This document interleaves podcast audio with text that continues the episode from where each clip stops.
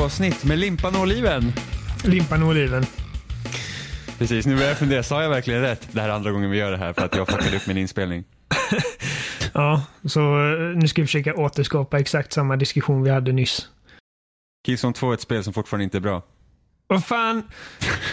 Nej, ja, när du presenterade mig så sa jag ja, och Killzone 2 är fortfarande ett bra spel. Nu snodde du den och förstörde den för mig. Ja, men du sa ju ingenting för att vara snabb. Får ju haka fan. på, du får ju haka på groovet Oliver. Jag, var Jävla snäll, jag, bara, jag, jag tog min chans för att jag tyckte att det var viktigt att vi fick säga, precis som att det är viktigt alltid att mitt namn är först när vi liksom presenterar podcasten, inte jag gör det då förstås, Mm. så är det viktigt att man säger liksom rätt sak i rätt ordning. Så bara Mm. det att man nämner först att Killzone 2, nej det är inte speciellt bra, det tycker jag liksom var viktigt. Men vi kom fram till det att du hade, du hade förmodligen tyckt bättre om det ifall du fick spela det med DualShock 4 Ja, istället för DualShock 3.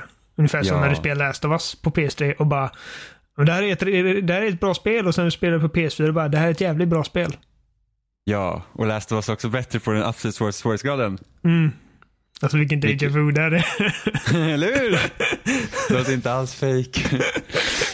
Nej, men faktum är att jag, eh, för att jag, köpt, jag tänkte inte köpa Last of Us på PS4, utan jag köpte det enbart för att vi skulle spela multiplayer. För att multiplayer i Last of Us var skitkul. Så att då, och, och det vid den här tidpunkten så fanns det inte jättemycket multiplayer-spel på uh, de nya konsolerna. PS4. Alltså, och Vi det, hade typ alltså, Titanfall på Xbox. Ja. Och alltså vem hade förväntat sig det när de utannonserade att ja, men, eh, Last of Us ska ha ett uh, multiplayer-läge? Att det skulle bli så bra som det var. Och dessutom var det den här tidpunkten när alla spel hade ett multiplayer-läge och man Ja. bara Tomb Raider hade varför? kommit ut och bara åh. Eller kom Ja, det ut Tomb Raiders, multi, Tomb Raiders multiplayer-läge var ju verkligen så här. Varför är det här här? Alltså, jo, alltså, hade det ens några intressanta liksom, vinklar i det eller var det typ bara Team Deathmatch? Ja, det fanns ju andra lägen också men det, alltså, det, det hade verkligen ingenting som liksom särade det från andra spel. Nej, och det kändes väl inte tillräckligt bra tror jag. Nej, det kändes inte bra alls. Det var ändå Nej. typ, jag, menar, jag, jag var aldrig ett jättestor fan av Uncharted 2 multiplayer. Det var det första spelet med, som hade multiplayer i den serien. Men jag tyckte ändå, ja men det, det, liksom, det känns ändå helt okej. Det är liksom väldigt, eh, det är väldigt smidigt liksom. Det, man känner sig lika smidig som i singleplayern och det är liksom, det kan väl vara kul i omgångar men det var ingenting man fastnade i. Och då var liksom Tomb Raider typ den varianten fast ännu sämre. Uncharted Ja. 4 hade rätt bra multiplayer dock. Ja, men det var ju för att man har ju den här, eh, repet gjorde ju liksom sitt. Ja, Till liksom att få stå ut liksom gameplaymässigt, så det var ju nice. och, Och de, så- de eh, hade så en rätt bra dos av humor också som typ vissa voice lines på de här karaktärerna. Jag älskar Lazarovic. Som bara, eh, ifall han får en assist så säger han bara Stop stealing my kills! Vilket är, det är så att säga, alltså Lazarovic är den här, han är den här gamern då i Uncharted 4s multiplayer som är så jävla vidrig bara. Kommer du ihåg när vi spelade, inte för att nämna några namn, om det nu är så att det är mot all förmodan att de två skulle lyssna nu, men vi spelade med två stycken i Gears War 3. Ja. Eh, och det var första matchen vi körde med dem. Eh, det var lillebrorsan till en bekant till mig och hans kompis. Och hans kompis downade två stycken och du hade ihjäl dem och han blev så jävla arg på dig. han bara, "Ja, men alltså fy fan vad äckligt. Bara, ta mina kills. Kolla vad han skyndade för att ta mina kills.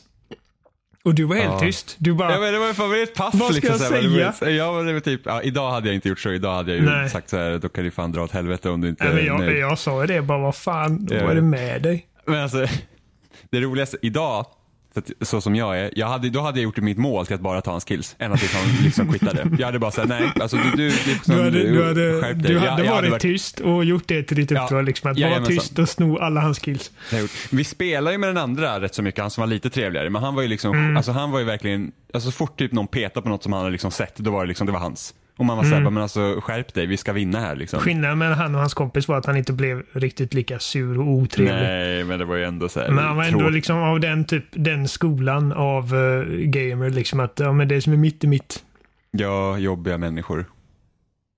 Helt enkelt. Men jag menar, jag har blivit rätt sur ibland också ifall, ifall jag har downat någon och ska gå och göra en execution och någon random kommer och bara sparkar ihjäl den fort som fan. Ja, men, Men det är en annan sak. Ja, jo men alltså det värsta, alltså ja. Det är ju, man sitter i party med två människor man typ aldrig har spelat med och blir helt jävla rabiat liksom. Undrar vad den människan gör idag. Ja, jag vet inte. Jag har inte spelat med honom sedan dess. och detta Inte var heller. typ 2011 Nej. kanske, 2012. Ja, ja, precis. Det är jättelänge sedan. En evighet sedan. Ibland undrar man vad, vad gör sådana människor? Alltså jag hade ju så himla, alltså jag spelade väldigt mycket Modern Warfare 2. Och där fanns ju ingen partychatt. Så Ja, just hann- det. du- Man du- måste vara i gamechatten. Ja, och vilket I så här att, ja, men så här, ja, och man kan känna så här att ja, det är lite synd att man inte kan vara i party, men samtidigt man träffar jävligt roliga människor när man, när man behövde sitta i gamechatten. Ja, och det, det liksom gav upphov till eh, roliga situationer ibland. Ja, så att, så att jag spelar väldigt mycket med Gustav, alltså jag och Gustav vi bondade över Modern Warfare 2, så vi spelade liksom, jag tror det var sommaren 2010 måste det ha varit. Modern Warfare Mm. 2 kom ju 2009 va? Ja. Ja. Ja, så 2010 s- den sommaren. Och vi satt ju och spelade med, så vi hade typ så åtta personer satt och spelade med som vi hade träffat via Modern Warfare 2 som vi alla satt liksom och, och körde med. Så det var asroligt. Och vi, det, var någon, det var precis samtidigt som när Ullared blev tv-serie. Och vi hade, det var en kille som jobbade på Ullared som vi, som vi spelade med. Han hette Lobbe78 tror jag. Och han har inte Lobbe. varit online på hur många år som helst. Liksom han, han, liksom bara, han spelade jättemycket och typ körde så här, ja men Modern Warfare 2, han, han köpte liksom Call of Duty varje år typ på Fifa, liksom en sån människa Ja. som spelar de spelen. Eh, och sen liksom bara helt borta. Nå, någonstans där typ vid Black Ops 2. Sen dess liksom inte, inte varit online sen dess. Så det är så här, jag undrar vad den, alltså sådana som liksom har haft spelintresse och ändå spelar ganska mycket. För det här är ju ändå också som har vuxen när vi träffar honom. Ja, ja, 78. Ja, men det är inte säkert att han är född 78. Jag, jag tror inte att han var så gammal. Men, eh, men liksom, undrar vad han gör idag och vart tog han vägen? Jobbar på Ullared. Nej, jag skulle inte tro att han jobbar på Ullared fortfarande. Men, eh, men liksom så här att, att han var skitschysst. Och sen, eh, sen träffade vi någon som li, livnärde sig på att spela poker från Kanada. Oj. Så han, var- han var skitsnäll, så vi spelade med honom ett par gånger. Pokerface. Och sen så, och sen så hade, det fanns här- du vet heartbeat-sensorn i Modern Warfare 2. Ja. Vi träffade en kille som hette Crazy Willis. Ja, Han var, helt, han var skitbra, han var asduktig. Och helt galen på spelet. Och han kallade Heartbeat eh, Sensor för Baby Monitor. Så det, nu kallar Mm. alltid sådana grejer för Baby Monitor. Så, så det var skitkul. Men det kom väl från Bad Company 2 har jag för mig. Ingen aning. Det, det vill jag. det, förstör, det, först- det är en förstör- dialograd i det spelet där de säger typ We ain't gonna use those Fast baby Company- monitors. Fast jag vet inte, hade Bad Company 2 släppts i det här laget? Det kom 2010. Ja, mars 2010. Eh, och jag tror att det var liksom DICE sätt att säga typ ja, fuck Call of Duty. Kanske, det kanske kommer därifrån, men det vill jag inte, jag vill inte förstöra inte den här fina grejen. Mm. Jag har inte fått från Bad Company 2 i alla fall, så att jag, Nej. jag, Det är från eh, kampanjen i Bad Company 2. Ja, Jag minns inte så mycket av den. det, undrar om inte typ Bad Company 2-kampanjen är den bästa kampanjen som DICE har gjort. Alltså om, om man Ja. bortser från Mirror's Edge, alltså om man nästan bortser från första Mirror's Ja, men du Edge. för att tänker det är liksom hela spelet. Ja, det får vi nog tänka. För att jag känner alltså typ, jag gillade inte alls Bad Company 1-kampanjen. Alltså humorn är fortfarande spot on, men det var liksom så här, de tog liksom det här Battlefield-konceptet, att det ska vara liksom stora kartor och sådär.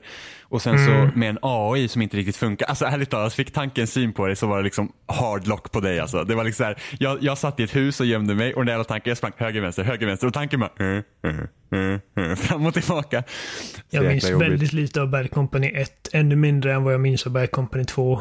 Um, I Bad Company 2 minns jag i alla fall vissa typ miljöer och jag minns att första banan var andra världskriget. Bad Company 1 minns jag att jag, jag uppskattar att de försökte göra det lite mer open-ended i sin bandesign men annars så är det helt svart där. Eh, men jag har det är möjligt, alltså jag har inte spelat kampanjen i Bad Company 2 på väldigt länge så jag vill inte uttala mig. Nej, men jag känner bara Den är typ att, bättre än eh, Bad Company, eller säger jag Battlefield 3 och 4 känner jag i alla fall ja. Och jag vet inte vad det är riktigt som är med DICE, med deras eh, kampanjer som gör att de liksom inte, det är någonting med hur sättet man spelar dem som inte riktigt funkar. För att om man jämför typ med Call of Duty så det liksom flyter på så jävla bra när man spelar medan Battlefield det är lite långsammare och samtidigt som de typ försöker göra mer så här, eh, liksom actionfokuserat med set pieces har det ju varit. Och det, jag vet inte, det känner att det, klickar inte jättebra men i multiplayer är det helt fantastiskt. Så det, det är liksom så himla märkligt. Vad är det som gör att det inte riktigt funkar? För mig. Det är svårt Ja. att sätta fingret på det. Liksom Jag, exakt. jag vill vara försiktig med vad jag säger. Ja. Eh, Jag förstår det. Men, eh, ja. Nej, men jag, jag håller väl med dig. Alltså, det, jag, jag, tror att, eh, jag tror att om du skulle fråga DICE själva så alltså, jag tror att deras hjärtan tillhör multiplayern. Ja. Eh, sen så tycker jag att med det de gjorde med Battlefield 1 med de här War Stories, det var ju helt rätt väg att gå. Mm, ja, Sen så var det ju bara synd att det kändes mer som en tutorial för multiplayer snarare än var en kampanj. Eh, och sen att man inte kanske riktigt vågar sväva ut från liksom traditionella shooter-kampanjen. Och nu vet jag att det är liksom jättesvårt att göra det. Liksom så här, hej, vi är en shooter, varför liksom göra, Mm. alltså, vad ska man göra? Men liksom så här typ att det liksom blir så här att när, när man kan byta perspektiven på det sättet mellan olika karaktärer så finns det ju en här, du har inte den här supermänniskan som klarar allting att göra själv utan man är en Precis. soldat i en historia. Men problemet var ju det att alla de här blir ju ändå supermänniskor typ i sin varsin del av sin kampanj förutom typ den som flög planet. Eh, så det blir så att man springer runt med den här, om en en när man springer runt med den här stora typ metallarmorn och sen så typ även när liksom man var i en tank och typ tog ut hur många tank som helst. Sen kommer inte jag ihåg de andra två. Jag gillade hur den här, han, han piloten. Uh, hans berättelse gillar jag för att det slutar i princip med att han säger typ att Ja, hände verkligen allt det där? Kommer du Ja men det? precis, ja jag vet, jag kommer ihåg det. Därför jag också Liksom gillar att hans, eh, hans han typ, eh, eh, han gör massa typ, eh, massa heroiska grejer och räddar folk och grejer. Sen så bara, ja men det kanske inte var så det gick till riktigt. Och så, ja det var nice. Ja, men det är därför jag gillar hans, också, eh, hans berättelse mest. Men, eh, men jag, visst ska War Stories eh, komma tillbaka i Battlefield 5? va? Ja, Ja, får vi se vad de hittar på där då. det ska de. Vad det blir för någonting. Så, vad har Mm. du spelat i veckan? Jag, jag har spelat en grymt massa Splinter Cell Okej. Blacklist som blev bakåtkompatibelt på Xbox One. Jag tycker det spelet är jätteroligt. Men... Eh, jag säga? ja, ja, det kom helt av mig nu. Jag, skulle, jag, jag, jag, jag tänkte eh, typ eh, vinkla om och eh, säga att jag såg den senaste Tomb Raider-filmen lite snabbt. Jaha. Bara, bara, alltså, du har inte sett den eller? Nej. Nej. Den var okej. Alicia Vikander gör den rollen rätt bra. Och det, det märks verkligen att hon, hon har verkligen tränat skitmycket. Hon har såna, såna, du ska se hennes magmuskler alltså. Jävlar vad biff hon är. Och den gör, filmen gör i princip första spelets story Alltså rebooten. bättre. Ja, precis. Första re, ja, rebooten från 2013. Eh, och de gör den ganska troget, men med små skillnader här och där. Den görs bättre. Som typ första gången hon eh, tvingas mörda en människa så den, den delen görs bättre. I och med att det inte är ett spel så tvingas man inte in i att okej, nu ska man liksom ha ihjäl typ 500 andra snubbar direkt efter. Mm. Utan de, de liksom kan göra så att det, det liksom, det, de låter det ta lite tid där. Det ligger i pipelinen längre. Precis. Och det känns mer rimligt. Och det, är alltså, det, det är br- bra skådisar med. Han, eh, Walton Goggins med. Som jag såg senast i eh, Hateful Eight. Han spelar skurken. Men eh, tyvärr så, är- så är det alltså, vi, vi har inte fått den perfekta spelfilmen ännu. Med denna heller. Den var bättre än Assassin's Creed dock. Assassin's Creed var verkligen, har du sett den? Nej. Den var så grymt jävla tråkig. Ja men det var ju så mycket som utspelar sig i nutiden var det väl? Ja, men det, det, är inte, det, är, det är inte nödvändigtvis det som är problemet. Det är bara att den, den liksom... There's no fun allowed. Förstår du vad jag menar? Mm, men den är liksom ma- bara det- så... Det är väl bara massa så corporate bullshit. Ja, och... eh, jag kommer inte ihåg. Alltså det, det är också en sån film. Det känns som att filmindustrin har ju tagit de här liksom, de har, de har ju i alla fall fått upp ögonen för spel och berättelserna i spel och vad man kan göra med det. Och de tänker att ja, men vi, vi anställer liksom eh, bra kända skådespelare som, uh, jag menar Michael Fassbender är en skitbra skådis och även Marion Cotillard är ju hur bra som helst. Men det, det, det är samma med Alicia Vikander är också, en Oscarsbelönad skådespelerska från Jatlabari. Men det, det är liksom, man, man kan inte lägga all vikt på liksom att oh, nu måste vi vara bra skådisar. Det, det känns fortfarande som att man inte riktigt vet hur man ska Eller så är det bara så att tv-spelsberättelser inte är tillräckligt bra. Det kan, det kan, vara, det kan vara anledningen. Ja, men alltså, sen är det väl också, beror på vem som gör filmerna också, men det kan ju också vara så att, åh, det är ett spel, så då ska vi göra en massa sådana här grejer så att spelpubliken uppskattar filmen. Och man så här, men det är, alltså, sådana som gillar spel är vanliga människor, det är inte som att de som gillar spel aldrig tittar på film. Liksom. Så jag tror att det kan också vara problemet, att man liksom så här, typ, men jag vet, jag hörde så Assassin's Creed-filmen och liksom verkligen nämner också att eh, han gör A Leap of Faith och liksom till så här, åh. Så man, Ja, precis. va, va, varför? Det är så dumt bara.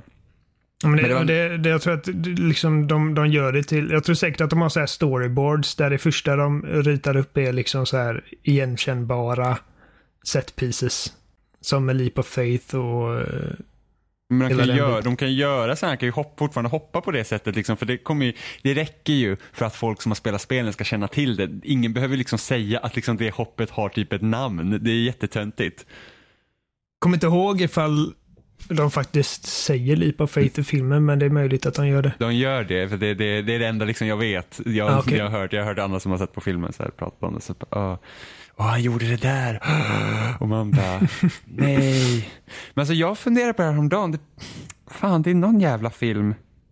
Det är någon jäkla film som baseras på spel som ska komma. Som, så jag tänkte så här, hmm, det skulle faktiskt finnas en, en, en chans att det typ blir den bästa filmen om spel som kommit. Men jag kommer inte ihåg vilka jag tänkte på.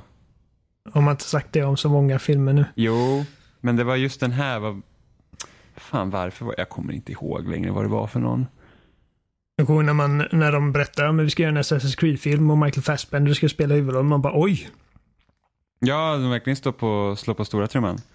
Ja. Och verkligen. Men alltså. Halo-tv-serien ska ju faktiskt bli av nu. Ja. det ska den va?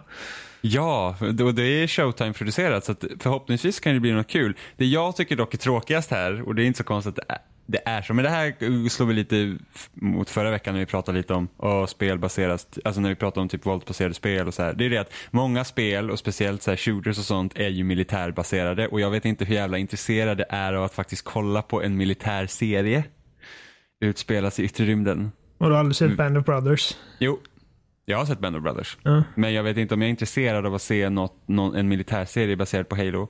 Jag säger Faktiskt. inte att eh, en Halo-serie hade blivit som Band of Brothers, men det... Nej, nej förmodligen. Alltså det, det är så här att, ja, jag vet inte riktigt, den här, hela den här militärgrejen är kanske inte så tilltalande. Och det var kanske därför jag är lite så här typ, men typ man är jäkligt trött på typ militär. Men ta typ Gears och Halo, liksom Microsofts största serier. Så bara, ja, det är ju militärserier i Mm. grund och botten. Det är ju krigsserier. Så man säger, ja, det är väl därför det kanske inte är så här. Nu har väl Gears går väl mer och mer ifrån det eftersom typ militären knappt existerar längre på samma Mm. sätt. Men det är ändå så här att ja, alltså just, just att du har, det är en militär du följer, det kommer ge upphov till vissa typer av berättelser. Och det vet man inte är så jäkla, alltså jag är mer intresserad av människorna liksom som lever i världen Ja, snarare jag än känner den också biten. det. Alltså, eh, hade jag... Nu är det så lätt att säga att hade jag fått bestämma så hade det blivit så här, så här. Men jag hade nog försökt att eh, forma det till en serie, en berättelse om en helt vanlig människa. Eh, som bara råkar hamna i, mitt i kaoset. För det är alltså en av mina liksom absolut största guilty pleasures. Eller ja, det är ingen guilty pleasure, jag skäms inte över det. Men jag älskar ju så här stora monsterfilmer som typ Godzilla och de här grejerna. Eh, och jag var ju så grymt jävla peppad på när man såg teaser-trailern för eh, Godzilla 2014. Och eh, man fick reda på att ja, men, eh, Bryan Cranston kommer spela en, eh, en eh, forskare och eh, hans, han, eh, hans son spelas av, eh, vad fan heter han? Taylor Johnson någonting. Icke-snubben. Ja, eh, och eh, han har i sin tur en, en egen son att tänka på och eh, hans fru Elisabeth Olsen. Jag tänkte, ja men det kan liksom bli ett spännande familjedrama för att jag känner liksom att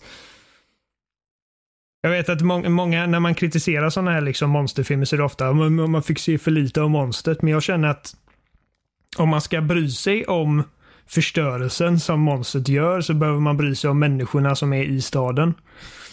Och det är därför jag tycker den filmen som kom 2008, Cloverfield, är så jävla bra. För att den handlar bara om helt vanliga människor som har en fest och helt plötsligt så de bara råkar befinna sig i Manhattan där det här monstret dyker upp och de måste liksom hantera detta. Liksom, Mm. det gjorde att Ja, dels då också att den liksom så här found footage-filmad så att det gör liksom så att det känns verkligen äkta på något sätt. Liksom att det, det är väldigt, det är handhållet och och eh, väldigt on the ground. Ehm, och varje gång man ser monstret så ser man det ur perspektivet liksom från, från en helt vanlig man, människa på marken. Och det blir väldigt läskigt liksom för man känner sig så liten och man känner sig så obetydlig och man bara liksom vad fan ska vi göra? Och det är det jag känner att det är det jag känner är eh, mitt största problem med Godzilla som jag i och för sig fortfarande gillar. Men jag hade mycket hellre sett den fokusera på, om vi säger han eh, Taylor Johnson, vad fan han heter, Aaron Taylor Johnson tror jag han heter.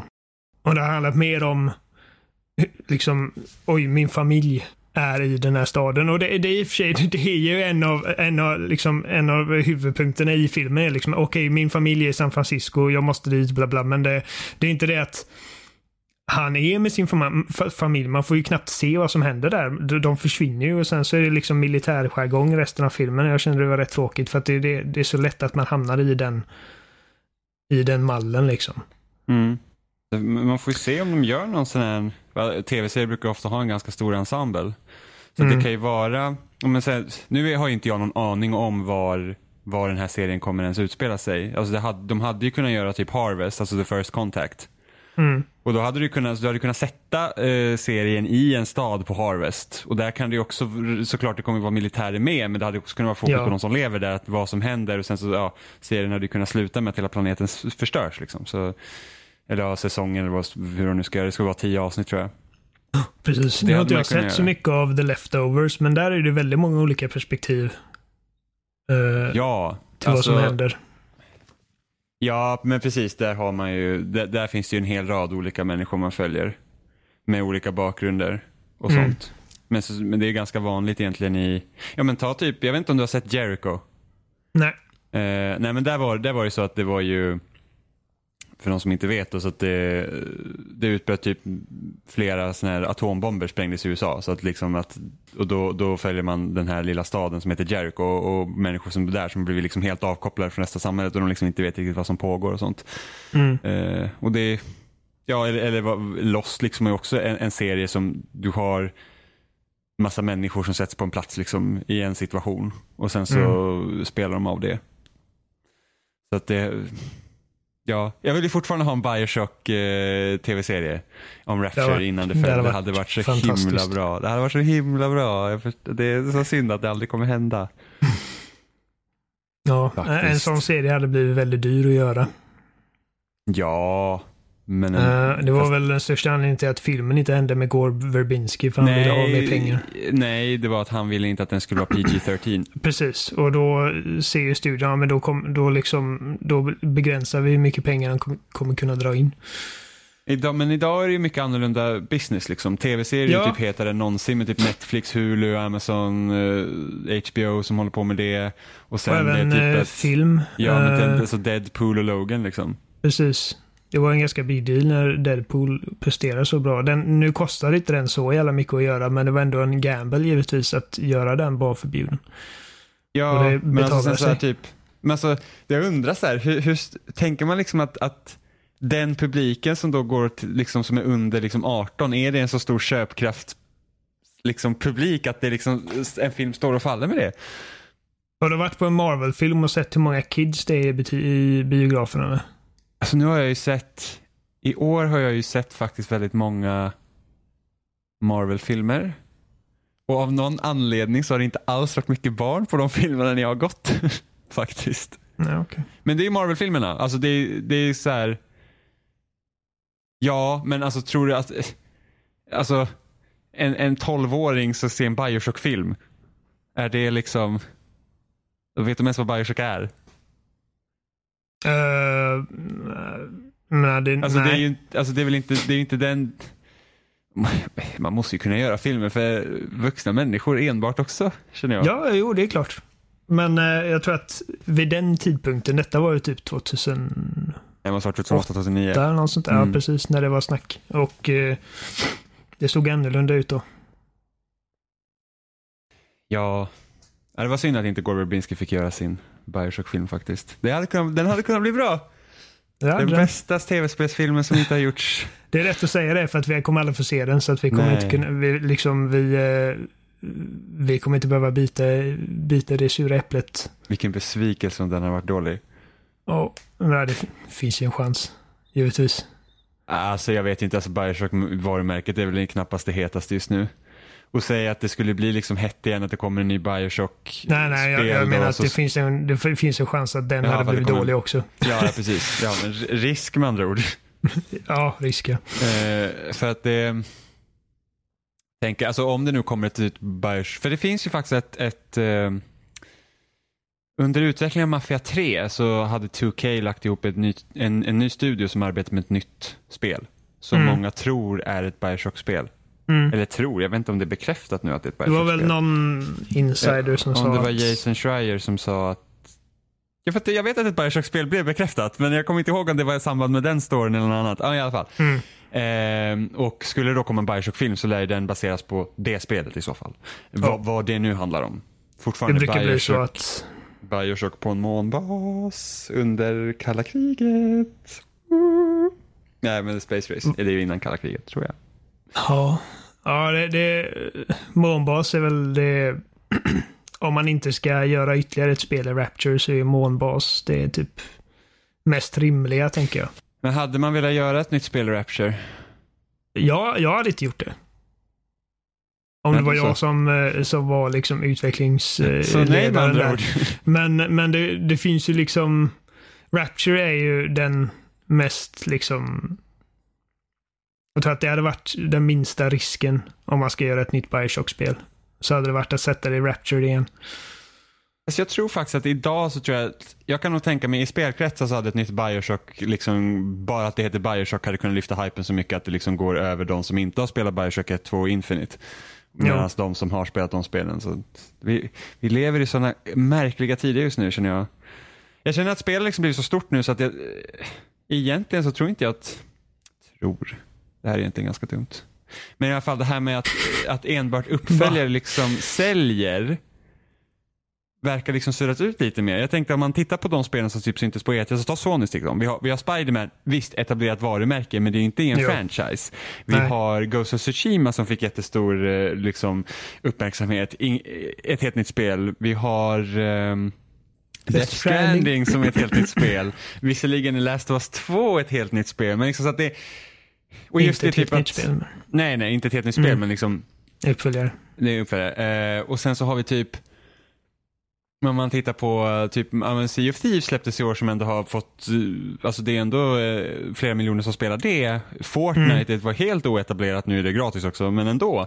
Så att jag, jag tror liksom att det här med att det bara måste vara massa stora, ja, sen så har vi Fifa och Call of Duty och alla de spelen som säljer typ massor för att vara som är etablerade serier. Men jag tror ju ändå att det här nya, alltså nya IPn borde nog inte folk vara lika rädda för att göra, känner jag. Nej. Med tanke Nej, på liksom att, rätt. Men, men liksom att jag tror, de vågar inte men när man väl gör det så har det ändå lyckats rätt, relativt bra. Alltså titta på Horizon sålde jättebra. Ja, men jag tror att ifall du gör ett liksom... Gör du ett riktigt bra spel så kommer folk få höra om det liksom. I och med att nu, nu är alla så uppkopplade till andras åsikter både på sociala medier och på YouTube och eh, spelmedia. Så att alltså bra spel kommer få liksom Särskilt stora bra spel. Ja, stora bra spel. För jag, tänk, jag, kan tänka mig hur många bra spel som finns på Steam som ingen har hört talas om. Ja, ja men mindre spel givetvis. Uh, det finns ju så många spel. Uh, ja. Uh, men liksom stora välproducerade AAA-spel, ifall de är bra så kommer folk köpa dem. Alltså ingen köpte Prey. Det har Nej. inte gått bra för Bethesda-spel. Alltså, eller bra bra, de har inte gjort storslam direkt kommer inte ihåg hur, eh, för att så som jag minns det så gjorde, gjorde inte spelmedia en jättestor hörna av Prey. Uh, Nej. Men det, det togs väl emot med ganska många så här sjuor och åttor för mig. Ja, men alltså, sen tycker jag, jag tycker i och för sig att stor spelmedia är relativt tråkig med tanke på att de gör egentligen ingenting för att branscha ut från de redan liksom etablerade Alltså de söker inte liksom oftast efter nya spel, de tar det de blir tilldelade till sig i princip. Nej men det är alltså de, de gör ju vad de får eh, liksom klicken på. Ja det är skittråkigt. Ja, men det, det, det, det är så det ser ut. Du kan inte, ifall, ifall du ska jobba med spelmedia och liksom hålla upp ett företag så måste du liksom lägga din energi på grejer som kommer betala sig. Jag vet. Och det tycker jag liksom lite, det borde inte vara spelmedias jobb egentligen. För de, då är ju bara förlängd PR-arm. Alltså, det, det tycker jag är skittråkigt. För det är samma sak när man tittar på de här, eh, om man tittar på typ Video Game Awards och sådana där grejer. Det är liksom, alltså där har du ändå en jury som ska rösta men det är ju ingen som de tittar längre bort än typ de största releaserna. Vilket också är skittråkigt. Alltså tänk, tänk dig typ om, och det här vet jag det är så tråkig jämförelse att jämföra med Oscarsgalan, men tänk om Oscarsgalan hade gjort samma sak. Det är de största filmerna som var på Oscarsgalan. mm, men där är det typ tvärtom. Där är det liksom... De största filmerna är ju nästan diskvalificerade för att de är så stora. Men de Eh. diskvalificeras inte för att de är stora, de diskvalificeras ju av andra orsaker i så fall. Jo, men alltså... Men, liksom, men, men, tänk, men jäm, alltså, ta den jämförelsen liksom. mm, Det, det är för att, att vi har, alltså tänk typ, tänk Sagan om Konungens återkomst. Det måste typ vara den största filmen det året också. Och den du, kammade hem 11 Oscars. Jo, men det är, det är undantaget. Jo, men vad är undantaget på Video Game Awards? Nu har inte jag Video Game Awards i huvudet. Det enda, jag Eh. kan typ, det enda jag kan typ tänka är typ så här, ja men Her Story fick väl några priser och det var liksom ett spel som lyckades ta sig ur liksom i, liksom att få uppmärksamhet av någon. Du har rätt i att det är svårt att jämföra med Oscarsgalan för att Oscarsgalan har funnits i så många år och utvecklats så många år. Eh, Jag vet, men samtidigt så kan man ju liksom, det, det, är, ju, det är ju heller ingen lärdom som borde vara i helt slutet. Det är ju någonting Nej. som man alltid kan applicera liksom, för att, för att Oscarsgalan är ju inte heller i en bubbla, om man säger så. Jag tycker bara att, jag tycker bara att spelmedia överlag borde vara bättre på att försöka hitta andra spel. Alltså okej om man inte gör det på sin egen sajt, men när det kommer till de här, liksom då man ska ha de här stora liksom, prisutdelningarna, då kanske man måste se lite längre bort än att bara titta på det som man har framför näsan. mm, jo, ja. Det håller jag med om. För det är liksom så här, för att, för att något jag tycker är så himla kul med Oscarsgalan det är det att det kommer de här filmerna som jag inte har hört talas om och så bara oh, då kan jag kanske gå och kolla på den liksom. För att folk tycker om den till exempel. Medan med spel är det ju sällan så. Det är bara så här, ja, liksom bästa, bästa narrativet så är det typ ett till Assassin's Creed för att Assassin's Creed är ett stort spel. Jag kommer inte ihåg vilket år, det var något Assassin's Creed som fick så jäkla många nomineringar. Man säger bara, men varför? Alltså de här grejerna gjordes inte ens bra i det spelet just då. Och jag vet ju att det är subjektivt och allt det där men det kändes som att det finns många andra spel som har gjort det där bättre. Eh, liksom att många, många nomineringar är bara på automatik. Det är såhär bara, okej vi måste typ ha en till nominering för bästa voiceover, då tar vi från det här stora spelet. Och så är man klar med det. Call of Duty hamnar på årets bästa actionspel varje år. Ja, Eh, och då finns det bland säkert, nomineringarna i alla fall. Ja, och då är det så här, men det finns ju liksom, det alltså tänk, tänk hur många actionspel det släpps. Och då skulle jag ändå vilja argumentera för att det finns ju många bra, alltså många actionspel som är bra mycket bättre än Call of Duty som inte har blivit nominerade, exempelvis. Mm. Men samtidigt, sen så har vi inte, det tråkiga också med Video Game Awards, att vi får ju aldrig motiveringarna till varför ett saker och ting är mot, eh, nominerat. Och då Nej, faller det ju också, för att har man ingen kontext till varför de är där, då blir det bara så här, jaha, det var ju liksom okej, fine. Ni bara nominerade, det var kul. Och, eller, eller, och ännu värre, man får ingen motivering till varför någon har vunnit heller. Det är bara så här, ja den vann. Mm. Nej, men alltså, jag kommer från det här perspektivet att jag har liksom sett hur eh, spelmedia fungerar eh, från insidan liksom. Och jag menar när, när jag eh, praktis eh, praktiserade, när jag vikarierade för eh, Petter på Game Reactor det halvåret och hade hand om allting liksom eh, internt så eh, det var svårt för att eh, det var ju under sommarperioden också där det släpptes väldigt få spel så att de flesta grejerna vi recenserade och gjorde artiklar om var liksom mindre grejer och de fick ju typ ingen uppmärksamhet överhuvudtaget så att rent liksom pengamässigt så var det ju svårt den perioden.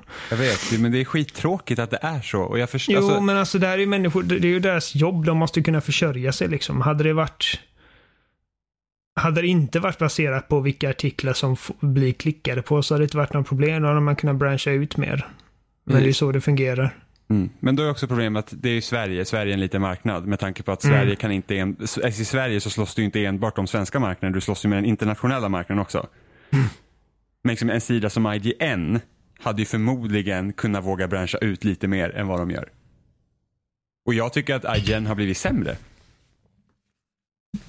För att jag läste väldigt mycket IGN, alltså så typ 2008, 2009 och framåt mot kanske 2013 tror jag. Så läste jag väldigt mycket IGN och de, då, då, då, kunde man ändå liksom hitta med. Men nu tycker jag att det är bara liksom, alltså det är bara reklam hela den sidan. Mm. Vilket är jättetråkigt. Och visst, det kommer think pieces ibland och sådär, men liksom typ man följer dem på deras sociala medier, liksom såhär eh, meme factory och typ såhär, ja, det är liksom, det, det är reklam. Det är vad de sysslar med känns det som, så det är jättetråkigt. Aldrig fått en känsla av deras recensioner, liksom att de har varit köpta eller så. Uh, Nej, men inte, inte nej, nej, nej. Alltså, nu pratar inte jag om att de ska vara köpta i recensionerna. Det är inte samma sak. Nej, jag förstår. Utan det är Eh, liksom att, alltså, bortse från recensionerna för att Oh, nu är det en jävla skillnad också, för jag kommer ihåg att 2008 då recenserade de varje spel till varje format. Typ. Så att typ, hade du Mirror's Edge, då fanns det en Mirror's Edge-version för PC, en för 360 och en för PS3. Och det är ju inte Mm. hållbart såklart.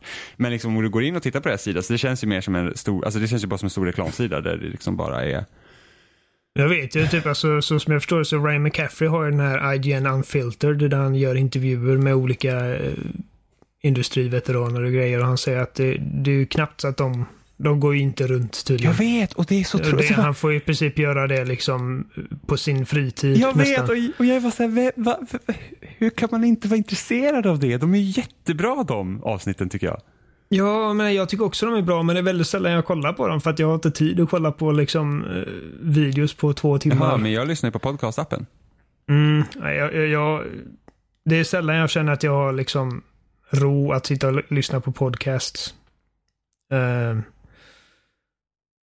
jag vet inte, jag, alltså, jag lyssnar på podcasts när jag spelar någonting helt hjärndött. Typ när jag plockar collectibles eller någonting. Men för jag spelar någonting som jag verkligen men jag, exempelvis, givetvis så lyssnar jag inte på podcast när jag spelar multiplayer-spel för då pratar jag med dig. och eh, när jag spelar nya grejer så vill jag väl kon- koncentrera på spelet. Och när jag är ute och åker i kollektivtrafiken så lyssnar jag fan hellre på musik än podcast faktiskt. Okej, jag Eh. lyssnar på väldigt mycket podcast. Jag, har, jag, är jag, jag prenumererar på typ, förutom spelsnack, som jag, som jag, lyssnar jag väldigt sällan på, men eh, förutom spelsnack så prenumererar jag på kanske fem eller sex olika grejer och min backlog där är liksom alltså timmar på timmar på timmar. Jag har inte lyssnat på någonting före E3 i år. I princip. Uh, så att jag har liksom hur mycket som helst att komma ikapp. Okej, jag, jag tror jag har typ 15-16 podcast jag lyssnar på. Så med, medan jag tycker liksom att IGN Unfiltered är en jätteintressant eh, show. Och jag tycker liksom att det, är- det är skitbra att han verkligen stick to his guns och verkligen gör det där fastän att han vet liksom att det, det, här, det, här, det här kommer inte betala sig. Jag gör bara detta för att jag tycker det är roligt och jag tycker att det liksom eh, förbättrar vår plattform. Så jag respekterar det, men det, det är ju så det är liksom att det, han har tiden att göra det och han har liksom passionen att göra det, men det, ja. Men det, det, det, det måste ju vara finansieringsmodellen, som, alltså det här med att du finansieras via reklam måste ju vara stora problemet. För sen så har du ju, tänk de som gör det här med Patreon till exempel. Du har NoClip och GameMakers Toolkit. Som gör Mm. jätteintressanta grejer. Ja, de har, Eh. ju mer, de har ju mer fria tyglar för de behöver inte nödvändigtvis vara jätteoroliga för hur många klick någonting kommer få. Nej för precis, att de för de får redan in de pengarna. Och, och, och då har du liksom, då har du en liten del, du har en liten del av en publik som, som finansierar det. Mm. För det är ju liksom, säger nu att du har en, några tusen patrons och så får du in kanske en, om man säger att du bara får in kanske så här 10 000 dollar. Det är väldigt mycket. Men så här 10 000 dollar i månaden, det är jättemycket pengar liksom, på Mm. några tusen pers. Liksom, så att det, så att det är en finansieringsmodell som funkar. Sen är det också för att eh, jag kommer ihåg det första eh, liksom företaget som jag registrerade började använda Patreon. Det var Kinda Funny. Eh, så att det, för mig känns det som att de var ganska tidiga på den bollen. Eh, nu har alla content creators jag känner till i princip på eller inte alla, men alltså det är väldigt många av de liksom eh, YouTubers och podcasters som jag, som jag följer som har en Patreon. Jag känner liksom att någon gång måste det liksom ta slut. Liksom att hur många, hur många Patreon eh, eh, utgifter kan man ha varje månad liksom innan man börjar, okej. nu börjar jag blöda pengar. Jag tror det bästa med USA där är det att det är så, det är så stort land så att du behöver liksom Alltså det finns så många människor att nå ut till så att kan, du kan alltid få någonting tillbaka om du lyckas Mm. komma ut. Liksom. Nu lyckas ju inte alla Patreons, så är det ju. Och liksom att nu pratar vi typ om de största. Men det finns i alla fall en större massa att nå ut till. Så, så att, och sen, visst, du kanske inte kan sluta ditt vanliga jobb och göra det du gör på liksom, Patreon helt och hållet. Men du kan i alla fall få lite tillbaka. Mm. Alltså, tänk, alltså typ start, jag vet inte ens om det finns någon så här Patreon, alltså någon svensk som använder Patreon för den svenska publiken som liksom kan gå runt på det. för att det, jag tror inte det finns tillräckligt mycket människor. Alltså det är bara typ, om man tänker typ YouTube och, och liksom hur, hur du liksom ska tjäna pengar via YouTube och, och när du får de här olika utmärkelsen beroende på hur många liksom, eh, eh, prenumeranter du har så krävs det ju så pass mycket att Sverige känns ju ett för litet land för att det ska vara möjligt att göra någonting på svenska och nå ut på det Ja. sättet. Vilket är jättetråkigt att, att, att liksom den delen av liksom den här kreativa sidan är helt låst till något som måste vara internationellt. Vi är ju inte låsta, vi gör detta på söndagarna. För skojs skull. Ja men det var inte riktigt vad jag menade heller. Det är liksom det att du måste du kan inte göra någonting för en svensk publik och Nej, jag förstår. Jag förstår. och, och göra det ekonomiskt görbart. Kanske går, men det är liksom det är mycket svårare. Då får man vara ganska stor. Ja, men det är, det, men det är tråkigt liksom att du, du, du kan typ- liksom inte. Vad heter de? eh, eh, Filip och... Uh, de två. Filip och Fredrik. Ja, de hade kunnat starta en Patreon. Och Ja, ja, men bra. de har ju redan liksom nått ut, alltså med tv och grejer, det är ju jättestor skillnad. Ja, Så att, Eh. typ eh, Alex och Sigge hade väl också kunnat starta en Patreon. jag vet inte vem det är. Alex Schulman och Sigge Eklund, de, de har ju typ Ah, en, de har en av Sveriges ja. största podcast liksom. Mm.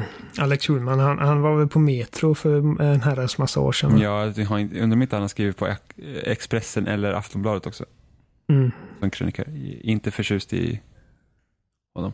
Så, men vad har du spelat under veckan Oliver? Uh, Splinter Cell. Ja, hur Det är går bra. det med Splinter Cell? Eh, det går bra. Jag kör eh, helt Ghost. För att, för den som inte vet så, det, det finns liksom tre, inom spe, spelmekaniskt sett, tre olika spelstilar eh, stödda. Så att du har Ghost, du har Panther och du har Assault. Och Ghost är liksom att du, du dödar ingen och du smyger förbi folk. Och Panther är att du dödar folk tyst. Och Assault är liksom att du går all Rambo. Och eh, det är klart att man spelar Ghost för det är Splinter Cell och det är skitkul. Eh, alltså det är en grej som jag, slog, som jag slogs av ännu en gång nu efter att ha spelat där 2013. Vilket stort paket där är. Det är liksom en, du har en stor kampanj, givetvis. som det alltid varit i Splinter spelen Men du har också fyra olika sorters co-op-uppdrag att spela. Antingen själv. Eller tre av fyra olika sorters. Det finns en liksom traditionell co-op-kampanj som du måste ha en partner med. Men sen finns det liksom i princip hård mode. Sen finns det ett läge där du eh, ska hacka tre datorer på banan utan att bli sedd. Och sen finns det en där du bara ska eliminera alla fiender på banan. Och det är liksom allt det där kan du göra med en kompis. Och sen har du också Spice vs. Merc som är PVPn som är hur jävla bra som helst. I alla fall Classic-läget. Jag var inte så jätteförtjust i det där 4v4 där man har loadat och grejer. Men Eh, 2v2 Classic är hur jävla bra som helst. Det är liksom ett bra paket för 600 kronor. Det kostar väl inte 600 kronor längre? Inte nu nej, men alltså Nej. när det kom liksom. Det, Ja. Så att eh, Blacklist är bra. Jag, menar, eh, jag känner ett par liksom Splinter Cell-purister. Jag känner en Splinter Cell-purist som, som hatar det spelet bara för att det inte är... Han hatar det för att för att det, det går att uh, gå loud i princip. Du kan döda folk utan att få konsekvenser. Jag bara, men skit ner dig. Det, det spelet är jättebra. Det är förmodligen antingen det tvåa eller trea på min liksom topplista på Splinter Cell-spel. Chaos Theory är fortfarande bäst. Uh, och jag har jätteroligt med det. Uh, var flera år sedan jag spelade det och liksom det håller än. Bara känns jävligt bra. Man har massa, massa utrymme för att uttrycka sig liksom spelmässigt och det, det är jävligt nice. Det är väl det jag har spelat. Vi, vi, vi drog igång, eh, du och jag drog igång Rainbow Six igår och upptäckte till våran delight att det har fått en Xbox One X-patch och det ser hur skarpt ut som helst. Så att, eh, ja, det, det kommer jag vilja spela mer. Ja, det kändes lite som att köra typ en HD remaster av det spelet faktiskt. För att det gjorde så stor skillnad, för det har varit ganska suddigt och grötigt innan. Mm, ja, jo, men det, det, det kördes ju, det flöt ju på bra i multiplayer med 60 bilder i sekunden. Men det, alltså nu när man har den, för det gick i 900p tydligen förut. Eh, och nu är det upp mot 1700p så att det, jag, jag känner bara med en gång att eh, jag blir mycket bättre på spelet. Att jag liksom kan identifiera små huvuden som pikar ut från ett hörn 20 meter bort och kan liksom poppa honom. Eh, vi förlorade bara typ två matcher igår tror jag. Ja, Tre det kanske, det gick mot väldigt slutet. bra igår. Vi ägde, men du och jag vi klatschade sista rundan där. Du och jag, hela resten av vårt lag hade quittat. Så det var du och jag mot fem stycken och vi klarade. Och det, var, Ja. det kändes så jävla bra. Ja, det var såhär, nej nu är det ju kört. Alltså, när de alla hade quittat var jag såhär, det här går ju aldrig gå. Och sen så Ja. var ju de så himla, alltså motståndarlaget blev så himla ballsy bara för att vi bara var två stycken kvar. Så de typ rushade ju in på mig. Ja. Och så fick jag ut två och sen kunde du liksom plocka av dem i ryggen sen. För jag hörde var- dig, du bara åh de kommer. För jag var Caveira, är liksom typ eh, en så här sneaky bastard som, som spelas bäst genom att hålla sig i rörelse och liksom flanka fienden. Så jag lämnade liksom objektivet ganska tidigt. För att jag tänkte att om jag kan få hon, hennes ability att hon downar en fiende och så kan hon förhöra den här fienden och få liksom en realtids vy över var alla andra i motståndarlaget befinner sig i några sekunder. Så jag tänkte att om jag kan få den tidigt så har vi en chans. Och så hörde jag dig, för att du låg ju på objektivet med Frost, som har sådana här liksom fäll, mattor som de blir downade på ifall de går på. Och så hörde jag dig bara, nu kommer ni Oliver. Jag bara sprang som fan runt hela banan typ för att komma bakom dem och så låg de tre stycken där efter att de hade dödat dig. Du hade fått ut två. Jag downade två stycken och så förhörde jag båda två och så hittade jag den sista när han försökte komma runt. Det kändes så jävla bra. Alltså det bästa är ju när man spelar som Frost som har de här mattorna. Rävsaxmattorna. Och sen, Du fick typ två final kills med de ja, mattorna ja, här, ja, man ser till så här. Man typ, jag var skitnervös, det var jag mot en kvar, så bara shit var en? Och så såg jag att han var där ute. Han, just det, han hade öppnat upp en, han hade öppnat En upp en vägg. Mm. Och jag var såhär, shit jag såg han där ute och sen så helt plötsligt så bara vinner man för då råkar han liksom gå på en matta. Och det ser så jävla kul ut i killcamen för att killcamen zoomar bara in på den där jävla mattan och så, ser, så här, händer ingenting och så helt plötsligt ser man någon gå på den och så bara faller de ihop och dör. Det är skitroligt. Det spelet är så jävla bra. Vi har sagt det så många gånger på den här podcasten, men det spelet blir bara bättre och bättre och det håller liksom, alltså jag vet inte hur många timmar vi har spelat det vid det här laget. Ja, alltså det är verkligen så här. Vilken success story det spelet Ja, är. speciellt med tanke på hur det var när det kom. Alltså det var typ Ja. skitsegt, man fick vänta aslänge och sen upplåsningen av karaktärerna. Du gillar inte det dum. alls. Nej, gud jag var såhär, det orkar liksom. Först man står och väntar hur länge som helst och sen så blir det en clash och dör man och bara, nej. Och så fick man bara sitta i menyn och vänta. Jag var så jäkla irriterad. Så det tog ju mig flera år innan jag spelade det liksom. Där ser man liksom, för att det spelet var ju samma spel då. Det var bara att liksom interfacet och hur de gjorde matchmaking och sådana liksom mer eh, inte, ja, lite mer ytliga liksom detaljer. Om man fixar dem och så liksom den fula ankungen blir svan nästan. Ja, men bara tajta till liksom upplevelsen lite så att det inte Mm. blir så irriterande. Men det var- fortfarande hur man låste upp gubbar var ju så här skitdåligt. För att det är så okej, Mm. vil, vilken ska man välja? Och sen väljer du en och då kanske du ändå inte får spela som den för att då kanske någon annan väljer den. Och då är du fast med liksom, liksom basic-gubben. Alltså det, det är typ det största misstaget de gjorde med det spelet, det var att låsa karaktärerna. Att det var ett upplåsningssystem för karaktärerna. Det var ju Mm. jättekonstigt. Speciellt liksom när typ Overwatch kom sen sommaren efter och där var allt upplåst på en gång. Så bara, kör.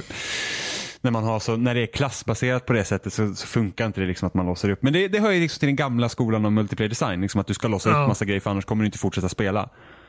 Men det, alltså det, det spelet är verkligen så här en inspirerande historia om liksom redemption i princip. För att det spelet kom ut och liksom det, det gjorde, det liksom det hade inte jättemånga spelare och det dog ut ganska snabbt. Och eh, vid det laget så känner man ofta att när multiplayer-spel kommer ut och det inte lyckas med en gång så blir det lätt liksom lawbreakers av det. Du vet att det, det hittat sin publik och det är kört. Men Ubisoft bara, nej men vi ska inte ge upp liksom. V vad är det vi behöver förbättra? Och vi pratar med vår, med vår, liksom, vår fanbase och liksom verkligen satsa på det och till slut så är det liksom ett av de mest spelade multiplayer-spelen på marknaden. Ja, men det är, Rainbow Six var också tillräckligt. Alltså det finns ingen det finns inget multiplayer-spel som är som Rainbow Six. Så det är tillräckligt unikt för att hålla i Inte det på också. konsol heller. Alltså det, det, det kommer lite från den här liksom Counter-Strike skolan av shooters. väldigt liksom eh, väldigt Jo, oförlåtande. Att men- dör du så dör du och Ja. det är väldigt liksom, du, ett headshot så är det kört och väldigt taktiskt. Det, är Men liksom, precis. det är ju liksom ett av de spelen som, jag tror For Honor är samma sak, det har också vuxit. Nu tror jag nu är inte For Honor lika stort som Rainbow Six. Ja, jag tror också att det är liksom så här stadigt, liksom att det, det, det håller i sig. Helt det är enkelt. gratis nu på eh, Xbox Live. Ja, nu den efter- 16. Ja, precis. Ja. Så jag tycker det ska bli kul att testa det när det kommer. Jag tror att det kan få en, eller kommer garanterat få en liksom bra buff där på Xbox sidan. Ja, jag, jag, körde, jag körde betan när det begav sig och testade och så här, bara, ja men det var liksom det, det, var, det, var, det var lite annorlunda men jag kände att här, ja, det var inget jag ville liksom lägga pengarna på. Så. Jag det kände jag kände när det kom var liksom att det här, det här är ett spel jag verkligen... Hade det varit ett...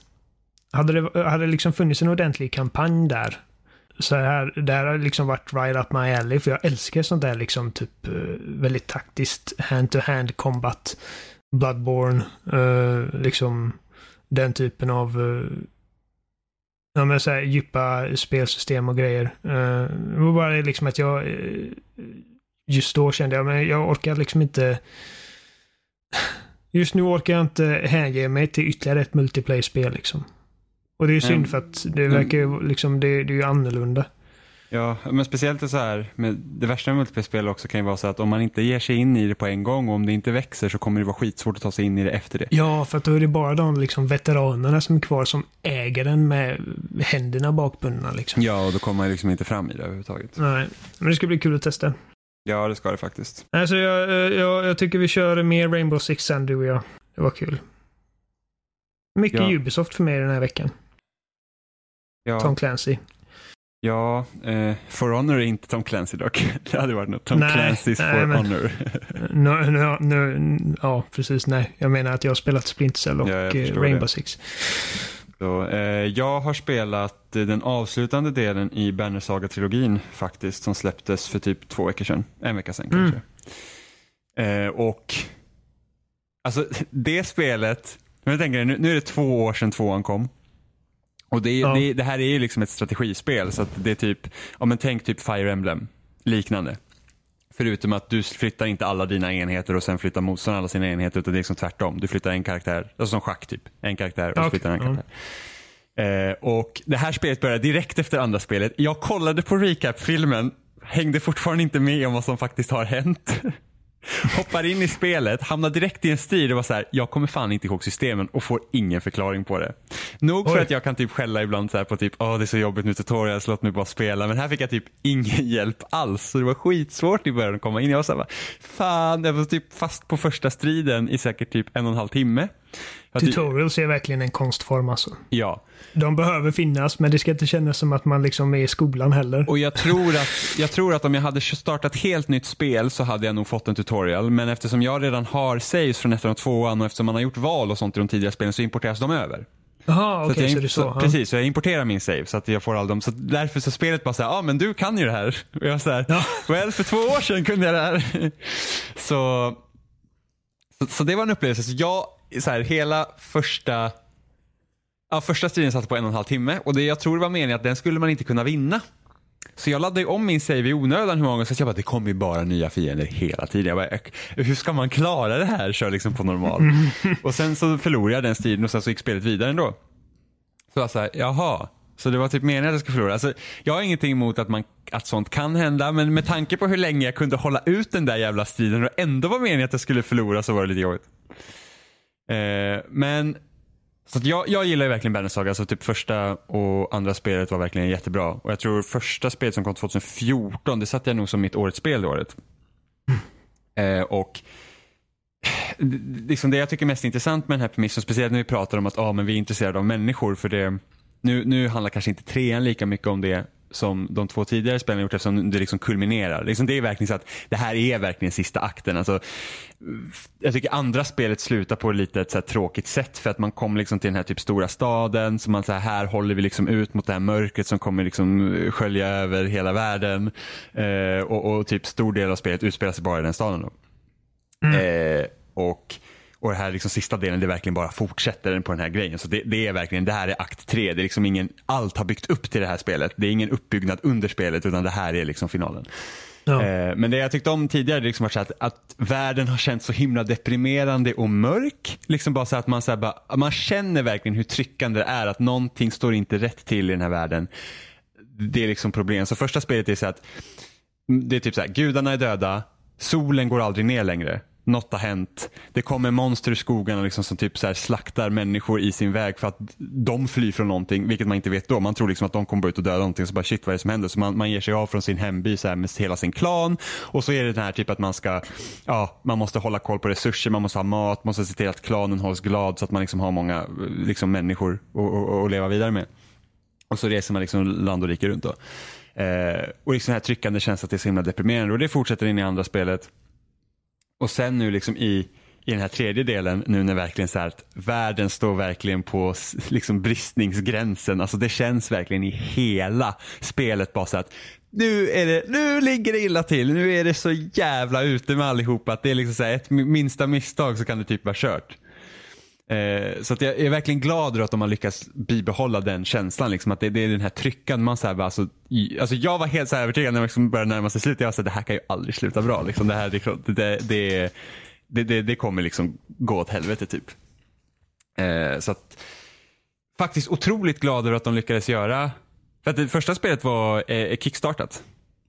Så att det var liksom så här, typ just att, ja, vi kickstartar det här spelet. Det här ska vara första delen i en trilogi. Men sen är det inte säkert att man liksom kan, bara för att de kickstartar ett spel så betyder inte det. Nej. precis.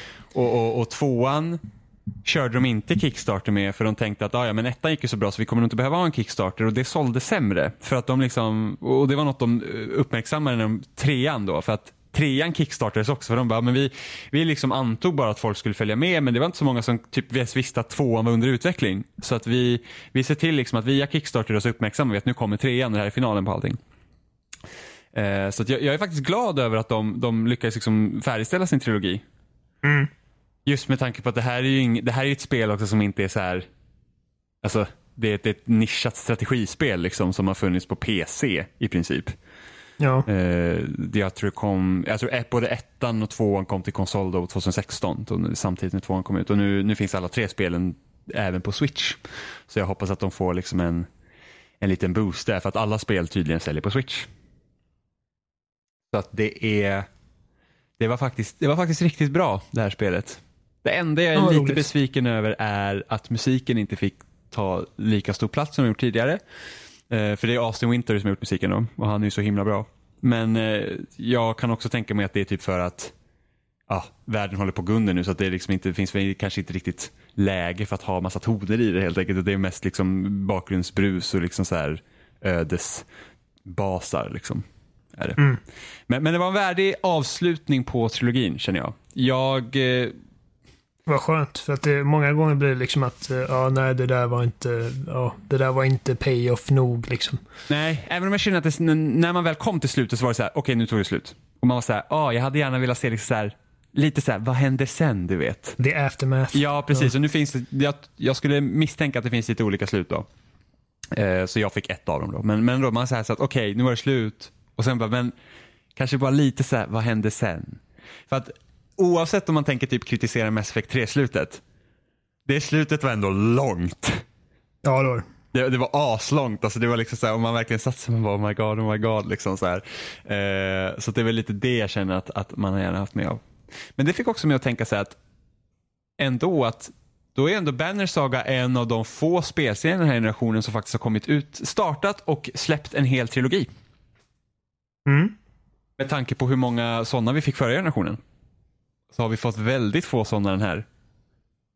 Ja, faktiskt. Det är nästan inget alls. Så tänk, tänk vad vi fick. Liksom, oh, Uncharted 1, 2, 3, Crisis 1, 2, 3, Gears 1, 2, 3, Dead Space 1, 2, 3. Det var jättemånga. Bioshock liksom. 1, 2, 3. Bioshock 1, 2, 3. En hel Etsy-trilogi. Plus Ja. massa annat. Så att det är liksom... Det, det, det, det är inte många spelserier som har startat den här generationen och fått... Liksom Horizon kommer förmodligen inte... Alltså Horizon 2 kommer förmodligen inte komma till PS4. Nästan som man tror att det tar längre tid att göra spel nu än vad det gjorde då. Eller hur? Så att det, för det, det tänkte jag så här, tänk nu, varen, nästan varje spel använder ju mocap. Jag, Ja. jag kommer ihåg när det var nytt. Kommer du ihåg typ när L.A. Noir släpptes och folk bara såhär, oh my god typ. Han använde facecams. liksom. precis. Och då var det inte alls lika vanligt. så här lite, eh, jag vill inte säga att det är fusk mocap för att allting mocapas ju, men det, det var ju att de gjorde ju liksom body mocap vid sidan av facial mocap. Hur var det funkar. För att när de gjorde ansiktena så satt de ju typ i en stol med typ kameror Ja, runt precis. om. De hade kameror Och så runt satt de omkring. och pratade så att, Så att de gjorde grejer och sen hade de andra mocap-grejer för då när man går, så de spelar liksom in allt typ två gånger. ja. Att det är liksom, och sen vet jag typ Nu, att, nu gör man ju gärna allt på samma gång. ja, så att det är, tekniken går framåt. Vilket gör det jobbigt för, menar, det är förmodligen det bästa för, för prestationens skull att man får allt på samma gång. För att det liksom, jag kan tänka mig att det kan vara svårt att sätta sig in i en gammal scen man har gjort perfekt i efterhand. Ehm, så jag, jag, jag tror absolut att det är bättre att man låter skådespelarna liksom göra allt på samma gång där och då liksom så att det görs. Men alltså jag, jag har ju sett intervjuer med eh, Ashley Johnson som är Ellie i Last of Us. Och hon sa hur jobbigt det var att göra den kyssscenen i Last of Us 2. Mm. Med de här st- stora kamerorna på ansiktet. Ja, det kan jag verkligen tänka mig. Eh, men ja, för att... Uh, Eh, alltså jag tyckte att eh, liksom ansiktsanimationerna i eh, uh, LA Noir såg väldigt detaljerade ut. Men jag tyckte ändå att det kändes som att det var, liksom, det var något som inte riktigt stämde. Liksom. Att det, var, det kändes liksom konstigt på något sätt. Att det hängde inte riktigt ihop. Uh, och det kan ju förklara liksom varför det kändes så. I och med att de liksom gör de gör i princip rollen vid två separata tillfällen. Mm. Men sen sånt kan man ju ändå hålla på med fortfarande. Liksom. Ibland har du ju inte ens samma röstskådis som sitter och gör mocapen heller. Nej, jag menar Halo 5 så hade de en för, de hade Jo, en, eh, men- Mike Coulter, eh, hans utseende, jag tror det var han som gjorde mocapen också. Sen så hade de en annan som gjorde rösten. Ja, så att det, men det blir nästan, då blir det mer som att man dubbar kanske. Ja. Ja, men eh, det var väl allt vi hade för den här veckan. Jag tror inte att vi har något mer. Nej. Hur peppar är du för Spiderman? Jag är grymt peppad på Spiderman. Ja. För jag, jag har inte varit så överdrivet peppad. Jag kommer ju spela på Spiderman. Ja, Men ja. jag känner att det jag känner just nu bara så här kort om Spiderman är det. Om man, om man tänker Batman när Arkham-spelen kom ut. Batman kändes som serietidningsadaptionen av Batman i tv-spelsform. Mm. Medan jag tycker nya Spiderman känns som eh, liksom Marvel Cinematic Universe adaptionen i spelväg, mer eller mindre. Det känns, alltså det jag har sett från Spiderman, jag har inte tittat speciellt mycket för jag vill inte se så mycket av spelen när jag spelar dem, är det att det känns som att det, de drar mer inspiration från faktiskt typ filmerna än vad de gör från serietidningarna på det sättet. Det är bara en känsla jag har. Mm. Så att det känns som att det är liksom satt i vår riktiga värld snarare än att det här är liksom Spiderman-universumet. Ja, jag vet inte, jag, tycker att det känns, jag känner att de har gjort ett rätt bra jobb med att liksom skapa sin Spiderman. Eh, sin egen tolkning av den. Um, just det här liksom att det, det är sällan vi ser en helt ny Spiderman-inkarnation i det skedet av sitt liv. Liksom att han har varit Spiderman i åtta år, han vet vad han håller på med. Uh, Mary Jane är liksom ett ex snarare än, än typ en framtida love interest och liksom hela den karaktärsdynamiken. Men det är svårt att säga nu innan vi har spelat givetvis, men det är, det är den känslan jag får.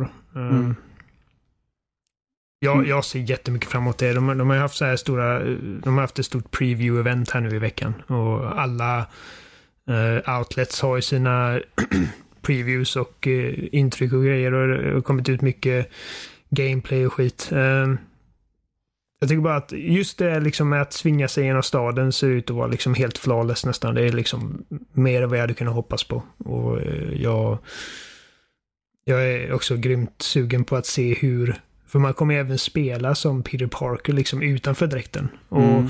även som Mary Jane som är en investigative eh, reporter. Ehm, och jag har hört att hennes liksom sektioner ska, liksom, är lite så här typ stealth-aktiga. Ehm, jag är inte helt eh, övertygad om vad jag har sett av skurkarna än. Jag tycker de ser liksom lite väl cartoony och överdrivna ut. Uh, vet inte vad jag tycker om designen på dem riktigt. Även om jag tycker att Mr. Negative är en ganska spännande skurk att ha liksom i The Limelight. För att han, han har vi, jag har i princip aldrig ens hört talas om honom innan det här spelet blev en grej. Och jag tycker det är intressant hur liksom man introduceras till den här karaktären som en väldigt godhjärtad person som driver liksom soppkök och grejer och är eh, Peters eh, fasters chef. Så man har liksom redan en personlig koppling till honom på något sätt. Så en Eh, Spiderman-skurk med andra ord. Ja, nu när du säger det. Ja, precis. ja, nu, ja precis. Exakt. Exakt så.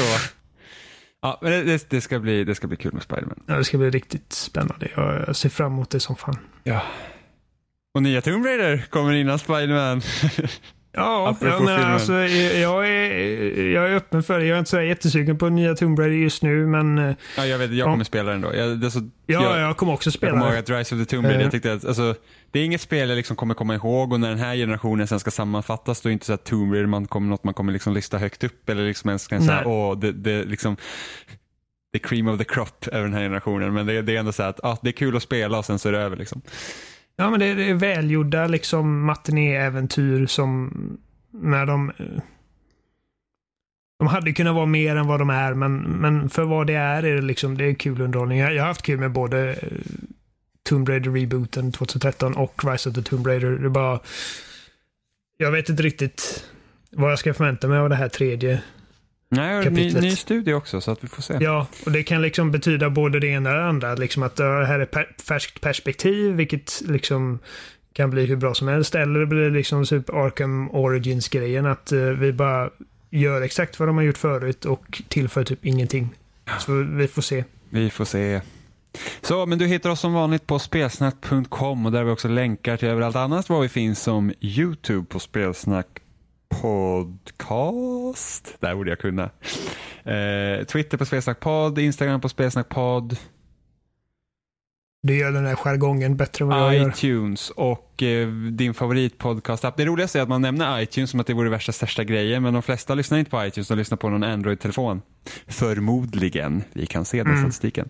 Så ja, det var allt vi hade. Det var Limpan och Olivers specialavsnitt på Spelsnack för den här veckan. Limp- Limpan så Limpan och. Oliver också. Det var ju bara jag som Ja. blev Limpan, Limpan och Oliven. Så jag går och ta en liten Och eh, det tycker jag att alla här som lyssnar och eh, håller med om att Killzone 2 är ett bra spel kan väl skriva till Jimmy och säga hur fel han har. Ja, och sen så behöver ni aldrig mer lyssna igen. Hej då! Han skojar bara. Hej då nu Oliver. Uh, ja, hej då.